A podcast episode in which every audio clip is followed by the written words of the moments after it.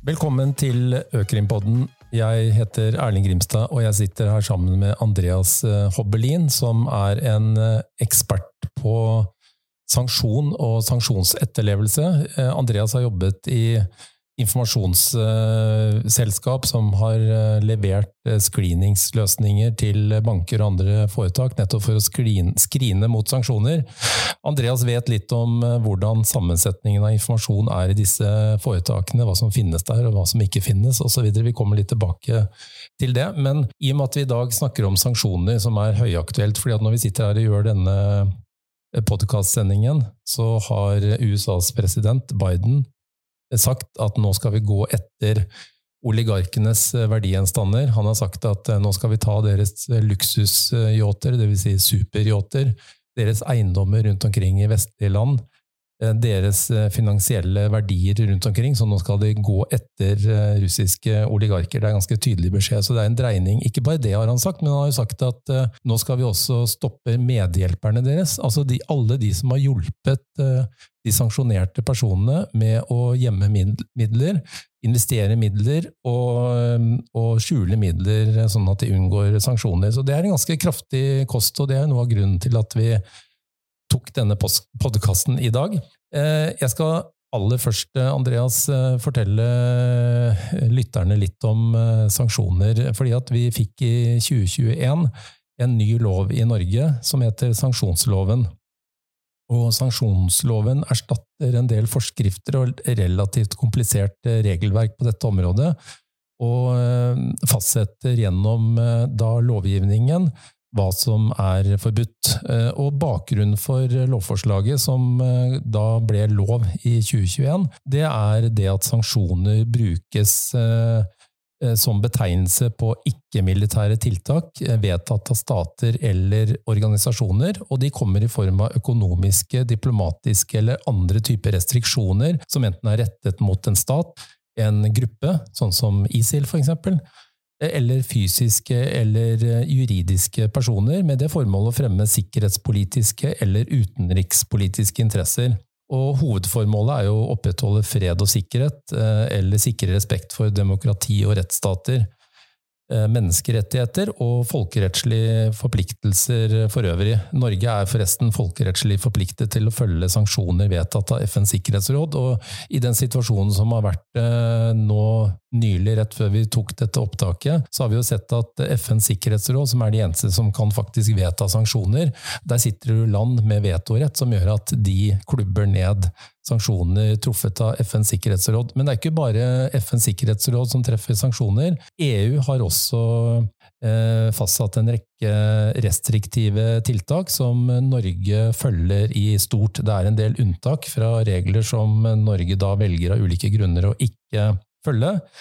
Ehm, og kanskje si litt om de vanligste sanksjonstypene. Det er våpenembargoer, altså forbud mot salg av våpen, militært utstyr, flerbruksmateriell. Det er også forbud mot å yte relaterte tjenester til bestemte stater eller aktører som er sanksjonert. Det kan også være ehm, utstyr som brukes til intern undertrykning, eh, overvåkning, som er omfattet Eh, av eh, eh, forbudet. Og i tillegg så kan det være særskilte handelsforbud, finansieringsforbud, transportforbud og lignende. Så dette er jo litt, til dels i hvert fall, en, en litt komplisert lovgivning. Sanksjonsloven som jeg nevnte, den sier tydelig at loven gjelder på norsk territorium, om bord på alle fartøy og luftfartøy, boreplattformer osv. under norsk jurisdiksjon for alle statsborgere og personer med bosted i Norge, og for alle foretak registrert i Foretaksregisteret her i Norge. Men det gjelder også for alle foretak med hensyn til forretningsvirksomhet de driver helt eller delvis i Norge. Eh, straff eh, for brudd på sanksjonsloven er bøter eller fengsel inntil tre år, og ved uaktsom overtredelse, altså man handler eh, uten å vite at vedkommende var sanksjonert, altså ren simpel aktsomhet, så er straffen bøter eller fengsel inntil seks måneder. Det må vi ha med oss. Eh, og tilbake i tid, eh, rett etter 9-11-2001, så innførte Norge de første eh, sanksjonene knyttet til disse fryslistene, som er godt kjent, eh, der hvor terrorister eller de som var mistenkt for å finansiere terrorvirksomhet, ble oppført. Og den gangen så var lovteknikken vi valgte i Norge, provisorisk anordning. Det kom altså veldig raskt på plass. Norge var faktisk det første vestlige landet som hadde på plass en lovgivning i form av en provisorisk anordning, som gjorde at Norge ble forpliktet til å følge disse frysvedtakene av eh, FN. Så eh, litt til eh, hvem som skal etterleve dette? Jo, det er jo alle foretak. Mange tenker at dette er jo bare bankene som passer på. Så det er bankene som må passe på at de screener for eh, kunder som eh, kan være sanksjonert, altså screener mot sanksjonslistene, men dette gjelder altså for alle foretak i Norge, og det er det ikke sikkert at alle er klar over. Og det er en egen frysveileder eh, som sier noe om forpliktelse til å fryse. Og den er jo ikke helt oppdatert, men like fullt så, så gjelder den i dag. Den frysveilederen er ganske omfattende, og den sier litt om hvordan man skal gå fram hvis man har et treff eh, på noen av disse eh, sanksjonstiltakene som Norge er forpliktet til. Og hvis man har et treff, eller ikke kan utelukke at det er et reelt treff, det kan jo hende at man har et likt navn ikke sant? og ikke vet helt eh, om det er den rette personen. Hvis man ikke kan utelukke det, ja, da skal man rapportere. Og man har tre mulige rapporteringssteder. Det ene er rapportering til Økokrim ved Enheten for finansiell etterretning, EFE som det forkortes til. Det andre er at man eh, må rapportere til et bestemt eh, sted, altså en bestemt e-postadresse hos Politiets sikkerhetstjeneste, PST. Og det tredje er at eh, man må rapportere til Utenriksdepartementet, og Utenriksdepartementet har en egen e-postadresse som er myntet på den type tilfeller hvor virksomheter i Norge eh, får treff på eh, sanksjoner, Eh, eh, eller ikke kan utelukke at det er et eh, reelt treff. Så det var en innledning til dette om sanksjoner, og da tror jeg lytterne har fått med seg at dette er jo relativt komplisert. Og så kommer vi til sakens kjerne, Andreas. Og det er det første spørsmålet jeg har til deg. Om du tror at foretaket i Norge klarer å etterleve sanksjonsloven? Uh, nei. Hva, hva er sånn, ho, i hovedsak grunnen til det?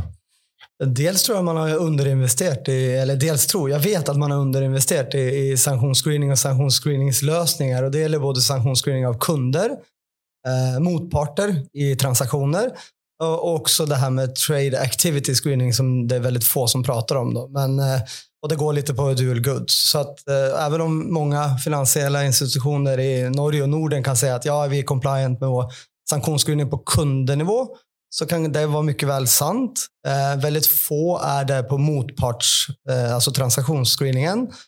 Och jag vill nog påstå att det är en väldigt, väldigt liten del som har koll på trade activity screening som också gäller då dual use goods. Mm. Eh, och om vi läser de sista sanksjonsvedtakene nå från EU, som kom nå i slutten av februari, efter invasionen i Ukraina, så är det sanktioner eh, som går på direkte eller indirekte kjøp eller salg av eh, uh, ulike verdipapirinstrumenter, uh, verdier i, i vid forstand, eh, til foretak som er etablert i, i, Russland, eller sanksjonerte personer, personer og foretak. Så det er en, en type sanksjonsregelgivning nå i EU som går ganske langt inn på det temaet du, du snakker om. Så hvis man da er et Eh, la oss begynne med banker. da.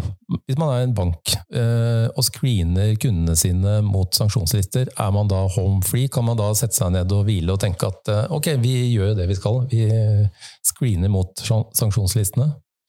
Eh, jag tror, alltså, så här är det. Först och främst, så, om du screenar dina privata kunder, privatkunder, så är det ju relativt enkelt. Det är ju namn. Eh, men du behöver fortfarande en ganska bra smart screening-lösning som gör att du reducerar falska träffar. Då, så att du verkligen. Men när det kommer till företag, Eh, då är det lite mer komplicerat, eller hur? För du har ett företagsnamn. Du ska också screena rollerna i företaget, ägarna, UBO och, också i många fall så måste du också, för finns det bolag som äger bolaget.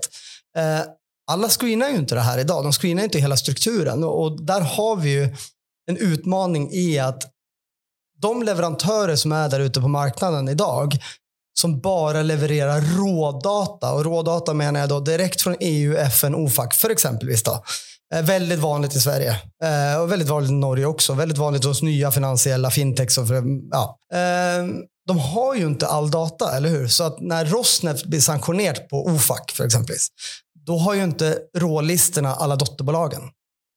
Vilket gör att använder du då en screeninglösning för, för, alltså när du screenar företag då, så fångar du inte upp dotterbolagen. Och där har vi exempel i Norge där vi har RN Nordic Oil AS, Lukoil Overseas North, North Shelf AS. Vi har PB Norge AS, eh, Domanic Oil AS. Eh, tre av dem ägs, ägs eh, indirekt av Rosneft. Men, men de, är inte, de här norska bolagen är inte på rålistorna, eller hur? Vilket gör att många som bara använder rålistor idag har inte träff. Mm. Och då behöver man en, en comprehensive sanktionsleverantör. Då. Och där finns det många på marknaden kända. Eh, Dow Jones, Refinitiv, RDC, eh, Acuris. Alltså, massor finns det i alla fall. Men man måste också veta att de har ju också svagheter.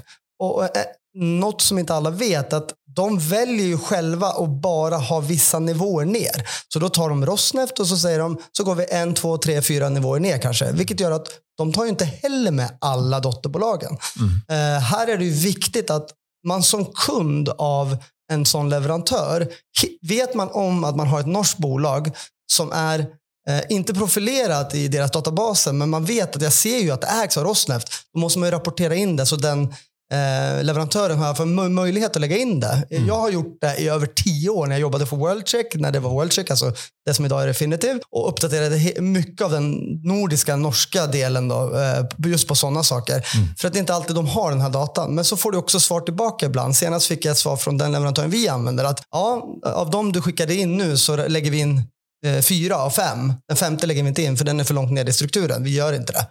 Vilket gör att då, det jag får göra då som är mitigerande åtgärd är att jag har en egen internal watchlist där jag har lagt in de bolagen som mm. inte finns i, i den, de här sanktionsdatabaserna. Men det du egentligen säger nu är att uh, man kan inte stole blint på de databaserna man screenar mot, för att det är mycket man går glipp av och ned i gröten eller ned i sällskapsstrukturen så klarar man inte att fånga upp varken sällskap eller eh, personer involverat. Ja, det är helt riktigt. Och så är det viktigt, och min rekommendation och som många internationella stora banker gör, de använder två olika leverantörer, eller hur? För att säkerställa, och speciellt om du har mycket internationell handel mm. eller du har med dollar att göra, då vill du inte göra fel. Så att, eh, har du internationella transaktioner, har du, eh, min starkaste rekommendation till alla är att inte använda rådata, varken på kundscreening eller motpartsscreening i transaktioner. Det är för dåligt, det är för lite. Du kommer inte komma undan den dagen någon kommer och knackar på din dörr. Du kommer få böter om du inte, om du inte visar att du i vart fall har försökt. Eller hur? För det är ett minimumskrav nästan. Mm. Men, men du snackar ju här om eh, uh menneskelige ressurser som må med i tillegg til eh, databaslösningar. databaseløsninger. Eh, hvis jeg forstår det riktig, så du mener faktisk at foretakene må ha kompetanse og må ha ressurser eh, hos seg selv til å kunne følge opp og ikke bare vite hvem de gjør avtale med, men også sjekke eh, avtalepart og deres underleverandører og følge bakover i kjeden, og ikke minst hvem som er eiere. Og så vet vi vel alle at personer som er sanksjonert, de har en tendens til ikke å stå fram som eh, aksjonærer. De skjuler seg bak ulike løsninger, det skal vi snart komme litt inn på. Men er oppfatningen min da riktig? Du trenger rett og slett eh, hender, personer, till att undersöka detta? Se, se det så här, en, en sanktionsscreeninglösning, det är ju det, det, minsta hjälpmedlet du har, eller hur? Mm. Och så är det ju viktigt att ha, precis som du har AML Investigators, så borde du också ha AML, alltså sanktionsinvestigator, som faktiskt förstår sanktion och sanktionsrisiko eh, med internationella kunder, eller hur? Mm. Det, det, är liksom, det är liksom minokrav. Så sanktionsscreening är ju verktyget, hjälpmedel för att du ska kunna arbeta vidare. Och, och det, är, det är väldigt reaktivt. Mm. Du får träffar och många sliter med false positivt för att systemen är för dåliga. Eh, men du måste också jobba proaktivt. Och mm. har du kunder som har någon form av international trade, alltså import-export, att då måste du jobba proaktivt. Du måste mm. faktiskt nästa, det är fel att säga att du ska leta efter det, men du måste faktiskt skala av den där löken lite grann och titta mm. lite närmare. Eh, och det kanske vi ska komma in på, för det är mm. just det här med intermediaries. Och, ja, ja. Vi, vi börjar närma oss det vi egentligen är här för att snacka om, eh, Andreas. Eh, och det, som en intro till det så kommer jag till att tänka på alla de historier som ligger offentligt tillgängliga om att kull som exporteras från Ryssland, det är ju inte nödvändigtvis kull som är hämtat ut av gruvorna i Ryssland. Det kan också meget väl vara kull som är producerat i Nordkorea som alle er klar over er sanksjonert. Så man kjøper jo ikke kull fra Nord-Korea. Men eh, hvor kull blir da skipet fra havner i Nord-Korea, lastes eh, om i, til andre skip og smugles nærmest inn og uh, selges som om det er kull produsert i Russland. Det er jo sånn enkel måte å dekke over hvor opprinnelsen til varen du eksporterer kommer fra. Uh, og dette er jo noe mange kjenner, som de lett finner i eh, offentlig tilgjengelig på internett. Men det jeg tenkte vi skulle snakke om som er egentlig hovedtema for eh, vår diskusjon om sanksjoner, det er hvilke metoder benytter sanksjonerte for å unngå at deres verdier blir frosset? Mm. Altså jeg, jeg, tror at, eller jeg vet, at Igen då, tillbaka där med sanktionsscreening och, och motpartsscreening, transaktionsscreening, kundescreening. Eh, om vi tar ryssarna som ett exempel då. Eh, och jag har ett särintresse av Ryssland och rysk sanktionsexponering. Jag har jobbat med det ett par år. Eh, de är inte dumma nog till att göra transaktioner med de sanktionerade bolagen eller personerna direkt. Det är helt uppenbart. Ehm, Ehm, det de gör då, de använder intermediaries. Så eh, sanktionerade bolag. Alltså mell mellomän? Mellan, mellanföretag ja. egentligen. Ja. Så Rosneft, Rosneftegas eller Gazprom, de kan för exempel använda eh, ett cypriotiskt företag. Vilket gör att då, det norska bolaget gör en transaktion till det här cypriotiska bolaget. Eh, banken i sig, vi ser ju bara en transaktion mellan det norska bolaget och det cypriotiska bolaget.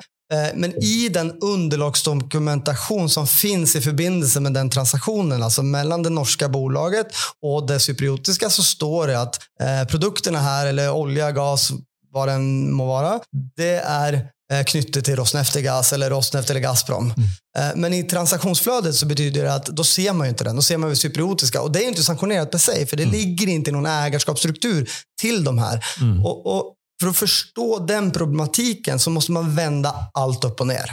Och du och jag har ju pratat lite om det här eh, förut. Då. Alltså vad, vad, är det för indikatorer man kan leta efter där ute? Det första jag hade sagt är ju vilka corporate services eh, om vi tar Cypern som ett mm. exempel. Mm. Det finns tre stycken, fyra, tre, fyra stycken, tre i vart fall som jag vet med all säkerhet, mm. är pro-ryssiska corporate services advokatfirmor. Mm. Eh, de sätter upp bolag för de här ryssa. Oligarker, korrupta politiker, eh, sanktionerade bolag. Ehm, eh, och eh, det, alltså, ja, de sätter upp bolag. Mm. Och, och, det finns en indikator i dem som är gemensam. Vissa av de här, eh, jag ska ta ett, ett exempel kan jag ta. Ett, eh, om jag får göra det, om jag får nämna namn då. Jeg, jeg, tror uh, i en podkast som dette, ja, okay. Andreas, så hopper vi over navn. Ja. Jeg vet at du sitter med ja, da, liste. Da, da, får vi se. Da får folk eh, ringe meg. Eller ja, jeg, så skal jeg ja, ja. Men, men, jeg, men, jeg, skjønner poenget. at Du har nærmest forretningsførere, og du peker yes. på Kypros. Det er jo ikke tilfeldig at du gjør det. Nei. Men du har forretningsførere som da er advokater, som representerer en klient. Klienten er da en direkte eller indirekte en sanksjonert person. Eller, eller sanksjonert uh, foretak. Och så vad gör, sker vidare? Då har de, alltså, de har ett setup med massa bolag, eller hur? Säg mm. att de har 1000-2000 bolag färdiga to mm. go. Men de har en fälles nämnare där. Det är att eh, som secretary eller director står det ett bolag. Och Det bolaget kan då knyttas till det här law firm. Eller de olika, de har olika corporate, de har mm. olika företag som, corporate, eh, som sitter som secretary eller mm. director. Men då går det att knyta dem till de olika. Så om du börjar i den änden och börja gräva, får du upp de 1000, 2000 bolagen och börja titta på dem på riktigt. Jag har gjort det, jag har gjort det i flera mm. år. Så ju, mm. um, och när du börjar titta på dem så ser du till slut i änden, när du har vänt allt upp och ner och, och tar de tusen så visar det sig att okay, av de tusen så hittar du kopplingar till i vart fall tio sanktionerade personer eller tio sanktionerade mm. bolag. Mm. Men i den här sfären så hittar du de här indirekta kopplingarna och lösa trådarna som kanske inte är en direkt sanktion, eller hur? Mm. Men det är samma adresser, det är samma folk, allting är precis identisk setup. Så ska du jobba proaktivt med sanktioner, Ja, sanktionsscreening är ju verktyget för att hjälpa dig, eller hur? Men jag hade jobbat med datan som finns där och börjat titta och lagt in de här 1000-2000 bolagen också i sanktionsscreeningen och använt det som en riskindikator. Det behöver inte vara att det är en breach, men då hade man kunnat sagt att ja, det här norska bolaget gör en transaktion till det här cypriotiska bolaget. Det har någon typ av import-export. Mm. Eh, säg export i det här fallet. Mm. Då, eller en finansiering av ett eller annat mm. slag. Eh, vad är underlagsdokumentationen? Eller hur? För det är inte en sanktionsträff i sig, men mm. en träff som kan indikera att det kan vara någonting. Mm. Så har jag jobbat. Mm. genom åren. Och, och, och det slår in, de hypoteserna slår in väldigt bra. Mycket bättre än sanktionsscreeningen ofta gör. Mm. Och då har du kanske också funnit uh, sällskap uh, som är knutet till uh, kypriot kypriotiske advokatfirma i skatteparadis, f.eks. Uh, British Virgin Island, St. Kitts och Nevis uh, och andra hyggelige steder att vara i Karibien. Ja, där vi egentligen borde ha varit. Ja. Men alltså, en typisk setup som säkert de flesta eh, lyssnare också vet, det är att cypriotiska bolag som ägs av ett eh, BVI-företag. Typisk setup. Typiskt ryssisk mm. setup ska mm. faktiskt sägas. Eh, men det jag gjorde när jag hade en del data, jag använde bland annat Bureau van Dijk i många år, mm. vilket funkar helt bra för att göra en del granskningsanalyser. Eh, och jag kunde säkert ha använt en annan leverantör också, men det jag gjorde det var att se, för okej, okay, jag ville veta hur många eh, cypriotiska bolag ha, ägs av ett rysiskt bolag. Mm.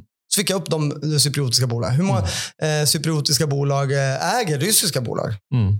För nu hade jag fokus på den ryska sanktionsriskexponeringen. Och det här gör ju att du får en viss förståelse över modus operandi. Mm. Och det här modus operandi är, har ju inte börjat nu, idag, igår, innan, eh, eller i förra veckan. Det här har ju hållit på över tio år. Mm. Så ska man förstå idag den sanktionsriskexponering man har så är det inte grönt, rött, svart, vitt, ja, nej. Det är en du måste förstå modus operandi tillbaka. Och då, det är tips då, dels att titta på det här jag pratar om, men också gå tillbaka och se på eh, ICIJ, alltså Panama Papers, Offshore Leaks. Eh, mm. för det är ju de bolagen de använder. Mm. Se också på OCCRP. Vad är det för modus operandi som är? Och, och, och lägg in det i de parametrarna. Så, så, jag vet att sist jag var här och pratade om fintech eh, och Settle mm. då, um, så sa jag att jag la in i motpartsfältet så lägger jag in Panama Papers och, jag, mm. och bolagen. Då. Och Det är en riskindikator. Det är där jag menar, det är där de gör. Det är de intermediary-bolagen de, mm. de skrattar. Det skrattar, det här är fel. Mm. Ryssarna säger att de är förberedda på det här. Det är inte så att de har förberett sig den sista månaden, den sista veckan. De har hållit på med det här länge. Mm. Så att, att vi sanktionerar vissa personer och företag, det är fint i sig, mm. men vi fångar ändå inte upp... Eh... På, på nätet så eh, kom jag över en artikel Apropos forberedelser, hvor eh, en av eh, superyachtene som Putin sies å være eier av, som er offentlige kilder, den lå i en dokk eh, i Tyskland. Eh, per 9. februar. Da ble den plutselig tatt ut av dokken og fjernet derfra, selv om vedlikeholdsarbeidet ikke var gjennomført. Og nå kommer det jo nyheter om at superyachtene er på vei til Asia, hvor det ikke er så lett å ta beslag i de, de som normalt ligger i Marbella og utenfor Monaco og ulike steder i Karibien, bl.a. utenfor St. Part. Blant annet. Eh, så det er jo en måte å, å, få verdiene til å bli borte på. Men eh, disse mellommennene som du snakker om, de eh, kan jo forvente seg noen harde tak fremover. For det er jo ikke bare du som vet hvem de er. Jeg er helt sikker på at myndighetene rundt omkring i verden vet hvem som er disse profesjonelle hvitvaskerne. Det har vi snakket om i en tidligere episode i Økrimpodden de er mulig å identifisere. Eh, og de består av ikke bare advokater, som du nevner nå, men også revisorer, regnskapsførere, tidligere bankansatte, og folk som vet hvordan de skal gå rundt systemene. Så mellommenn og hjelpere er jo en viktig faktor for eh, sanksjonerte personer til å unngå faktisk at deres midler blir eh, tatt. Men så har jo de siste dagenes hendelser vist oss at myndighetene i Vesten har iverksatt et veldig kraftfullt tiltak. De har nemlig blokkert SWIFT-systemet for eh, Russland. Og når man ikke kan betale eh, over grensene, altså gjøre internasjonale betalinger fordi at SWIFT-systemet ikke kan brukes av Russland, da er det vel stopp, er det ikke det, Andreas? Uh, nej. nej. Det är det Varför inte det? Nej, alltså, det är bara att se på de flesta fintechs som har blivit etablerat de sista åren att eh, många av dem använder inte sig av Swift. De kan använda sig av Swift också, men de gör ju bank-to-bank transfers direkt utan att vara en del av Swift. Vilket gör då att tittar man tillbaka, så ser bara, ja, det här nämnde jag också sist, men eh, i Baltikum, då, Litauen som är fintech-hubben i Europa. Litauen som inte har ett eget UBO-register som är uppdaterat. Du vet inte vem som äger många av dem. Här. UBO, vad är det för ja, något? Reella rättighetshavare. Riktigt, ja, ja. verkligen. Um, som inte har ett, ett, tillfredsställande ägarskapsregister i, i det landet. Vilket gör att många av de här 300-400 fintechbolagen där mm. är ju ägda och investerade av ryska intressen. Det är klart att om de fintechbolagen idag använder sig av andra betalnings, eh, andra transaktions, eh, annan, infra, annan transaktionsinfrastruktur än Swift, då hjälper inte Swift. Och så smarta är ju de. Och jag, jag såg några exempel här. Det var någon som tog upp, det var jag vet inte om det var 30 eller 40 procent av transaktionerna var via alltså OpenPay, eller vad ska man kalla det, OpenPay, annan, utanför Swift. Mm. Så 60 procent var, var Swift, 40 procent var inte Swift. Mm. Så det är ett bra tilltag, men det, kommer, det är inte där de kommer ligga. Plus då där de har intermediary. Så jag måste bara få säga det. När det gäller Norge, Norge är ju nämnt i den nationella tröskelvärderingen att vi är ett transitland och det måste ju folk förstå nu att dra pengar genom Norge nu är ju extremt viktigt och för många som är sanktionerade. Och vi får inte bara, det är inte bara Ryssland det handlar om. Vi har ju Nord Nordkorea, det är ju många, alltså Iran, mm. det, det, det, eller hur? Uh, och vi har ju i Norge, jag, har ju, jag, har ju, jag flaggar ju det här för myndighet, att jag vet vilka professionella aktörer vi har i Norge. Jag har en handfull med aktörer. Mm.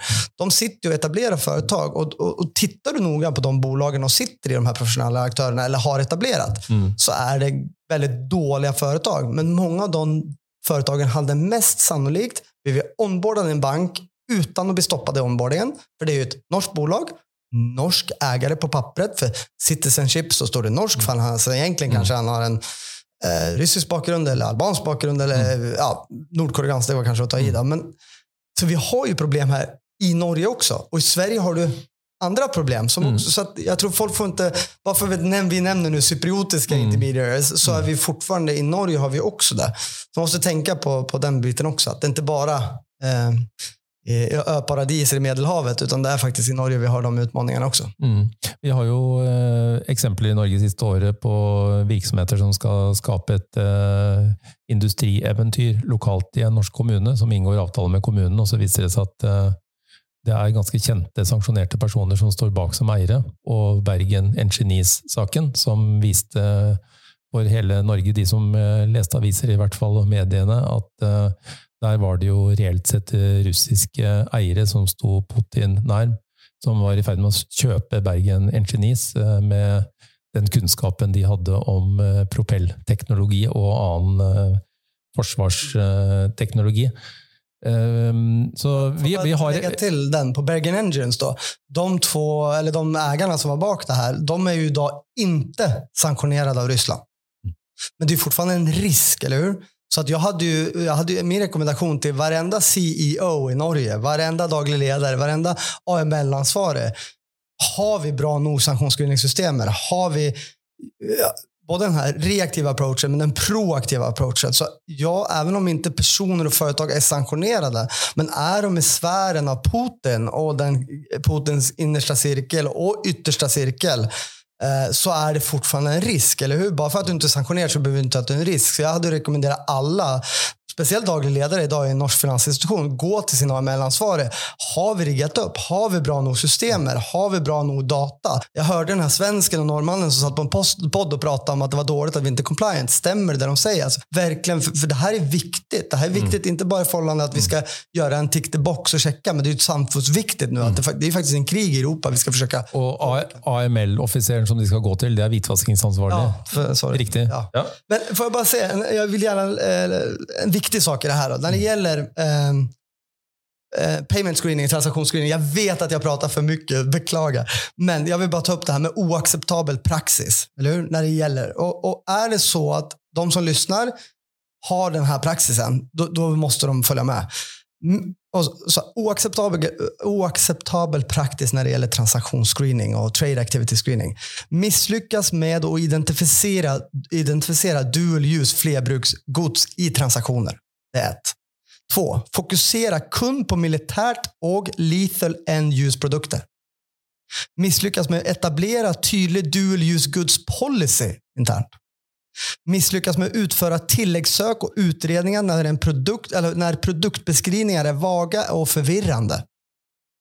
Och det här krävs ju också att man då har ganska god eh, kontakt med kunden och får underlagsdokumentation. Misslyckas med att ta i bruk third party datakilder när det är möjligt att utföra kontroller på dual use-produkter.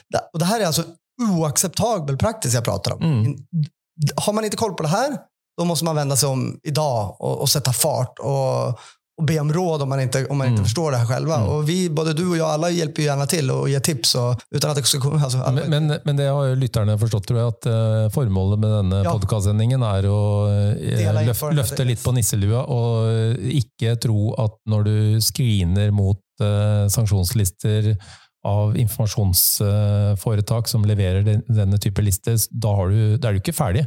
Du har ikke gjort jobben da, det er budskapet her. Men vi snakker litt om hvordan eh, de som er sanksjonert kan komme forbi tiltakene, og du har nevnt noen eksempler på det. Vi snakket om SIFT osv. En interessant eh, hendelse som jeg har fulgt med på eh, de siste dagene, er jo hvordan kryptovaluta valuta går, altså ikke bare bitcoin, men annen kryptovaluta. Og det har jo steget vanvittig. Eh, tror du, Andreas, at kryptovaluta kan være et sted å plassere midler eller gjennomføre transaksjoner hvis du ikke kan bruke Swift og du er en sanksjonert eh, person? Eh, Eh, Jag hade sagt så här att om man ser på Ruben då. Är, är du rädd för att Ruben rasar, vilket den gör, så vill du gärna ha en säkrare hamn. En säkrare hamn kanske är då, även om den är volatil, eh, krypto och sånt, så klart det är säkrare kanske Ruben just nu. Men NOC och SEC är ju också säkrare. Så du kan också skaffa konton i, i de länderna. Så att, ja, jag tror det säkert det är, det är självklart. Men det blir precis som vilken annan valuta. Flyttar de bort från rubel? Eller flyttar de Mm. någonstans? Eh, eh, ja. Jag har en till sak jag skulle vilja ta upp sen också som är viktig. Och så det gäller ett norskt exempel som jag också vill att folk ska ha lite fokus på. Kom igjen før vi avslutter. Yes. Vi er i ferd med å avrunde nå, Tillbaka till, ja, tillbaka till PB Norge AS som då ägs av, eh, av Rosneft. Där sitter en som heter Andrei Bychenko. I det, där, han är ju i styret där. Han sitter ju också i många, många cypriotiska bolag. En del av dem är sanktionerade, en del av dem är under Rosneft-koncernet, men alla är inte det. Vilket betyder egentligen teoretiskt att transaktioner skulle kunna gå till de motparterna. Så här gäller det att jobba mycket mer proaktivt. Vara mycket mer på och också förstå de här norska bolagen som faktiskt finns där idag. Som, eh, det är ju inte alla som screenar domestic transaction mot sanktioner.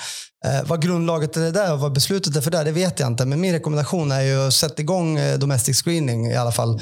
Eh, tills vi är helt säkra på att vi har ett riktigt bra sanktionsregim. Och det har vi tyvärr inte idag. Mm. Men då tror jag vi eh, avrunder. Vi har löftet lite på eh, nisselua, kanske, när det gäller sanktionsloven. Sanktioner som nu kommer på löpande band. De kommer ju nästan annenhver dag nå rett før denne podkasten blir tatt opp. Eh, sanksjoner som EU treffer, og som FN etter hvert sannsynligvis vil eh, treffe. Og som Norge er forpliktet til å følge, og dermed også alle norske foretak. Så eh, for de av dere som har klart å henge med så langt, så håper vi dette har vært en eh, nyttig påminnelse om hvor utfordrende dette er. Og særlig takk til deg, Andreas Oberlin, som har eh, en helt unik innsikt i hva dette handler om når vi kommer ned på detaljnivå også, og ulike metoder de sanksjonerte benytter, ikke minst, da, for å unngå å bli sanksjonert. Så takk til deg, Andreas. Tack.